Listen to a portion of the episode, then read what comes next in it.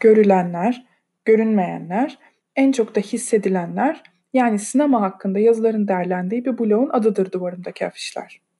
Yazar bu kez sinema hakkında yazmaz. Yazar bu kez sinema hakkında konuşur ve bunu da tek başına yapmaz. Yani kısaca arkadaşlarla film konuşuyoruz.